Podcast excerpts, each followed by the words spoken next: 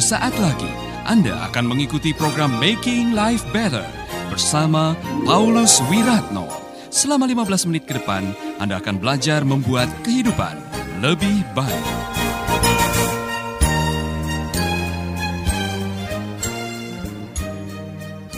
Baik saudaraku, saya percaya bahwa kita semua kalau bicara mengenai memasuki pernikahan, ada yang mengatakan waktu kita ini lebih banyak dihabiskan untuk bagaimana memiliki acara pernikahan yang baik daripada bagaimana memiliki pernikahan yang baik. Saudara setuju atau tidak?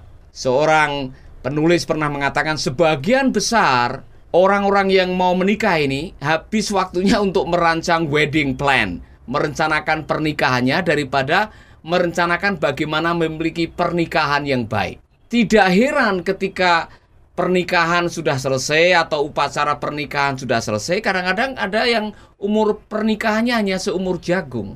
Begitu cepat mereka mengakhiri pernikahan karena mereka tidak siap dan tidak dilatih, tidak dipersiapkan, tidak dibekali bagaimana menjadi suami yang baik, bagaimana menjadi istri yang baik. Kalau toh ada konseling, biasanya konselingnya itu begitu kilat, begitu cepat Makanya tidak heran kalau banyak pernikahan berakhir dengan berantakan, banyak pernikahan yang berakhir dengan kekecewaan, dan banyak orang yang akhirnya trauma di dalam pernikahan mereka. Padahal, saudaraku, pernikahan itu sangat-sangat penting. Di dalam pernikahan Kristen digambarkan bahwa pernikahan itu seperti orang membeli tiket pesawat satu kali jalan. Mengerti maksudnya? Anda membeli tiket satu kali jalan artinya tidak bisa balik lagi. Tidak bisa restart lagi. Sekali Anda menikah, Anda harus menjalaninya sampai akhir kehidupan Anda. Seperti janji nikah yang Anda ucapkan di depan para hamba Allah, di depan para umat Tuhan dan mengatakan, aku menerima engkau sampai maut memisahkan kita. Nah, untuk sampai maut memisahkan kita ini diperhadapkan dengan berbagai macam pancaroba kehidupan pernikahan.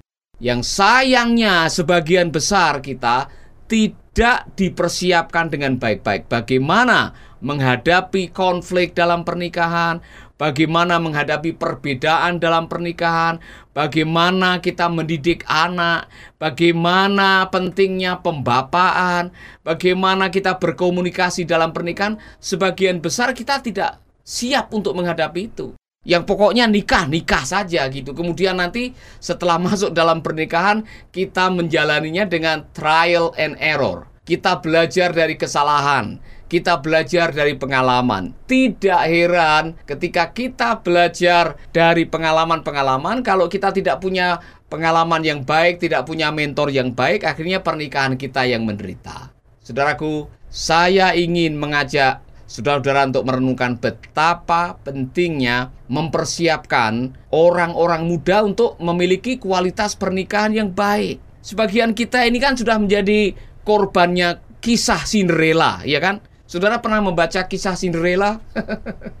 Happily ever after, katanya. Setelah dia menemukan pangeran, maka Cinderella akan hidup bahagia selama-lamanya. Mana ada? Jujur saja, Tanyalah kepada pasangan-pasangan yang menikah, apakah setelah menikah mereka bebas persoalan? Setelah menikah mereka bebas konflik? Setelah menikah mereka tidak punya pergumulan? Tidak ada.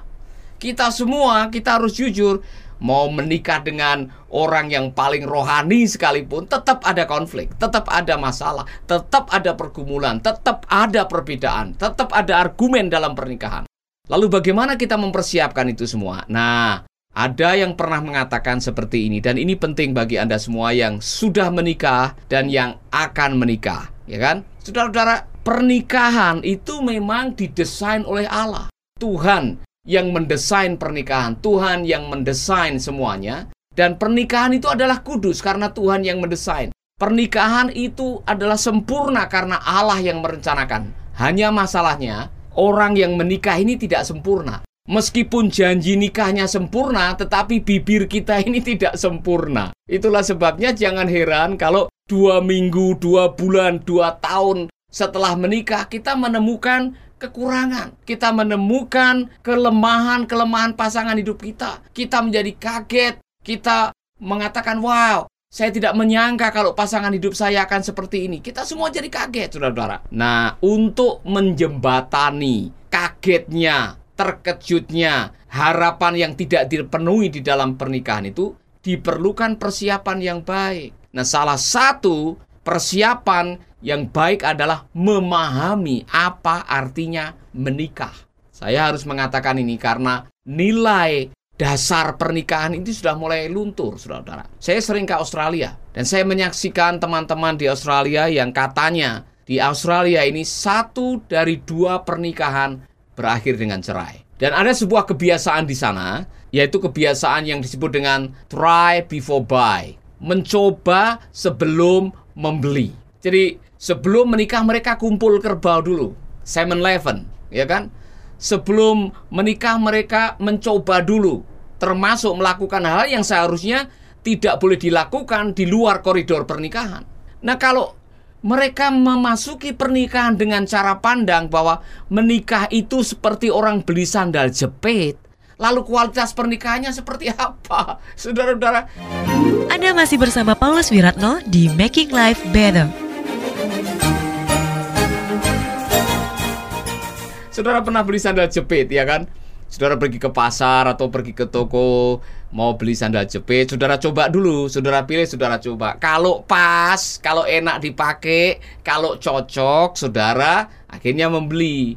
Kalau tidak cocok, kalau tidak pas, akhirnya saudara menukar atau saudara tidak jadi membeli. Itu beli sandal jepit. Itu boleh kalau beli sandal jepit, ya kan? Tapi kalau menikah kemudian dicoba-coba dulu, saudara menguji atau merasakan dulu enak atau tidak, ini baik atau tidak dengan melanggar koridor-koridor atau batasan yang seharusnya tidak boleh dilakukan, akhirnya Anda sudah mencemari pernikahan saudara dan akhirnya tidak baik. Berapa banyak orang yang akhirnya kecewa, akhirnya mengalami disolusi atau mengalami sebuah trauma oleh karena dikecewakan sebelum memasuki pernikahan. Saudaraku, saya mau mengajak kita semuanya untuk menyadari bahwa pernikahan yang didesain oleh Allah, pernikahan yang dimulai oleh Allah, itu dimaksudkan untuk melahirkan keturunan yang sempurna. Dengar baik-baik, sebelum ada KUA, sebelum ada gereja, sebelum ada negara, sebelum ada catatan sipil, Tuhan lebih dahulu meresmikan apa yang namanya pernikahan karena Tuhan punya rencana melalui pernikahan saudara. Itulah sebabnya kalau memasuki pernikahan dengan main-main seperti kita sedang melecehkan institusi ilahi yang kudus dan yang sangat penting bagi kesinambungan peradaban kehidupan manusia. Coba saudara perhatikan, negara-negara yang tidak memberikan nilai yang tinggi terhadap pernikahan, suatu saat akan lahir generasi yang bermasalah dan sudah mulai terbukti. Mereka-mereka yang akhirnya anak-anaknya hidup di dalam single parent, dalam kehidupan yang uh, barangkali tidak utuh orang tuanya itu bermasalah. Kalau tidak percaya, saudara membaca buku yang berjudul Father Connection. Di dalam buku ini dikatakan bahwa anak-anak yang dibesarkan dari keluarga single parent pada akhirnya banyak yang bermasalah. Banyak yang drop out dari sekolah, banyak yang melakukan hubungan seks di luar nikah, banyak yang kecanduan narkoba, banyak yang punya pikiran bunuh diri, banyak yang akhirnya hamil di luar nikah. Itu anak-anak yang besar dari single parent yang tidak ada pembapaan. Mengapa tidak ada pembapaan? Oleh karena mereka memasuki pernikahan tanpa pemahaman yang benar. Itulah sebabnya melalui program Making Life Better ini, saya mengajak saudara-saudara untuk merenungkan kembali. Jangan asal nikah Amin. saudara yang masuki pernikahan asal-asalan, saudara tidak akan pernah menikmati pernikahan dengan baik. Itulah sebabnya belajarlah memahami pernikahan dengan baik sebelum Anda menikah. Sudah terlanjur menikah dan tidak tahu untuk apa Anda menikah, belajar untuk apa sih saya menikah.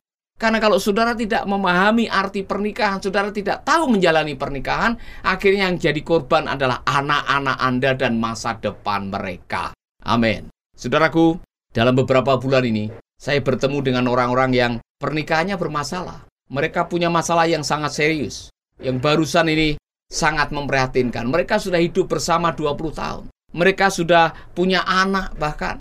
tetapi mereka masih hidupnya seperti teman kos-kosan. Padahal sudah menikah 20 tahun, saudara. Kok bisa seperti ini? Sekali lagi karena pemahaman mereka kurang, karena kita tidak dibekali bagaimana memasuki pernikahan dengan baik. Kabar baik buat saudara. Apa pun juga situasi saudara, bagaimanapun juga keadaan pernikahan saudara, kalau Anda mau terbuka dan Anda mau belajar, pernikahan Anda bisa diselamatkan. Saya mau memberitahukan kepada saudara, our God is God of second chance. Tuhan kita adalah Tuhan yang memberikan kesempatan kedua kali. Kalau kita memulai dengan salah, kita masih bisa memperbaiki. Kalau ada yang hilang di masa lalu dalam pernikahan kita, kita masih bisa mengalami pemulihan. Kalau ada sesuatu yang perlu mungkin diperbaiki atau sesuatu yang harusnya dikoreksi, kita bisa melakukannya. Tuhan bisa menolong kita. Amin. Yang jelas, kalau Anda membaca di dalam firman Tuhan, di mana pun juga yang namanya ajaran mengenai pernikahan, pernikahan itu diciptakan oleh Allah supaya manusia berbahagia. Ingat baik-baik asal mulanya, ya kan? Waktu manusia yang namanya Adam itu diciptakan di dalam dunia, ia merasa seperti kesepian karena tidak ada teman yang sepadan. Itulah sebabnya Tuhan menciptakan Hawa. Hawa diciptakan untuk menjadi teman yang sepadan dan melalui Adam dan Hawa inilah akan lahir keturunan-keturunan ilahi yang melalui pernikahan, melalui keluarga nanti lahir umat Tuhan, lahir anak-anak yang pada akhirnya akan bertakwa kepada Tuhan, bertakwa kepada orang tua, berguna bagi bangsa dan berguna bagi sesama. Itulah pernikahan. Jadi kalau pernikahan tidak berfungsi, maka anak-anak yang lahir akan menghadapi masalah. Anak-anak yang bermasalah kalau besar akan menciptakan keluarga yang bermasalah. Keluarga yang bermasalah akan menciptakan masyarakat yang bermasalah, gerejanya bermasalah, komunitasnya bermasalah, dan akhirnya negaranya bermasalah. Dan kalau ini tidak diputus rantainya, maka kita akan menjadi manusia yang hidup di dalam peradaban yang bermasalah. Tantangan kita cukup besar. Saudara mungkin sudah mendengar isu LGBT. Bagaimana ada negara-negara yang sudah meresmikan pernikahan sesama jenis dianggap sebagai sebuah gaya hidup alternatif. Saudara, mau tidak mau saudara akan berhadapan dengan kenyataan bahwa kita sedang menghadapi degradasi moral yang sangat membahayakan kelangsungan kehidupan umat manusia di atas bumi ini. Perhatikan baik-baik. Apa jadinya kalau Jatmiko menikah dengan Paijo, ya kan? Hana menikah dengan Ripka, maka tidak akan ada keturunan yang berikutnya. Ini akan menjadi masalah yang sangat serius sekali. Pakai logika saja orang sudah bisa, tidak perlu harus pakai alat tafsir, pakai hal-hal yang barangkali terlalu rumit. Pakai akal sehat saja kalau pernikahan sesama jenis ini diizinkan di seluruh dunia, kemudian laki-laki menikah dengan laki-laki, perempuan menikah dengan perempuan, apa yang akan jadi? Peradaban manusia akan habis dan punah di dunia ini, saudara. Itulah sebabnya saya harus mengatakan Alkitab sejak dari semula, Yesus Kristus, para nabi, semua mengatakan bahwa, saudara, maka laki-laki akan meninggalkan bapak dan ibunya dan bersatu dengan istrinya. Adam menikah dengan Hawa. Ingat baik-baik. Allah menciptakan laki-laki dan perempuan karena Allah punya tujuan bahwa melalui pernikahan yang sehat, pernikahan yang baik, akhirnya akan lahir bangsa yang sehat, bangsa yang kuat. Makanya jangan pernah goyah dan belajarlah dari kebenaran ini. Amin. Saya tidak tahu situasi pernikahan saudara, tapi kalau saudara mengatakan, "Pak, saya banyak mengalami kesulitan di dalam pernikahan ini. Saya mau kasih kabar buat saudara, di akhir program radio ini, saudara akan mendengar ada nomor telepon counseling. Saudara bisa menelpon dan staf kami siap untuk memberikan counseling buat saudara. Dan bagi saudara yang mungkin secara jujur mengatakan, Pak, pernikahan saya bermasalah, saya akan berdoa buat saudara. Apa pun juga pergumulan pernikahan saudara, Tuhan bisa memulihkan saudara. Amin. Mari kita berdoa. Tuhan kami mengucap syukur untuk kebaikan-Mu. Kami berterima kasih untuk kesempatan ini. Kami berdoa untuk pendengar, pemirsa kami yang sedang bergumul dengan masalah pernikahan. Kami tahu Tuhan yang menciptakan pernikahan, Tuhan yang merestui pernikahan, Tuhan yang bisa memulihkan dan memperbaiki pernikahan. Kami berdoa buat semua sahabat kami pendengar Making Life Better. Aku berdoa agar kiranya Engkau akan menolong, memulihkan, memperbaiki, mengembalikan sukacita, di dalam kehidupan rumah tangga mereka. Di dalam namamu kami berdoa. Amin.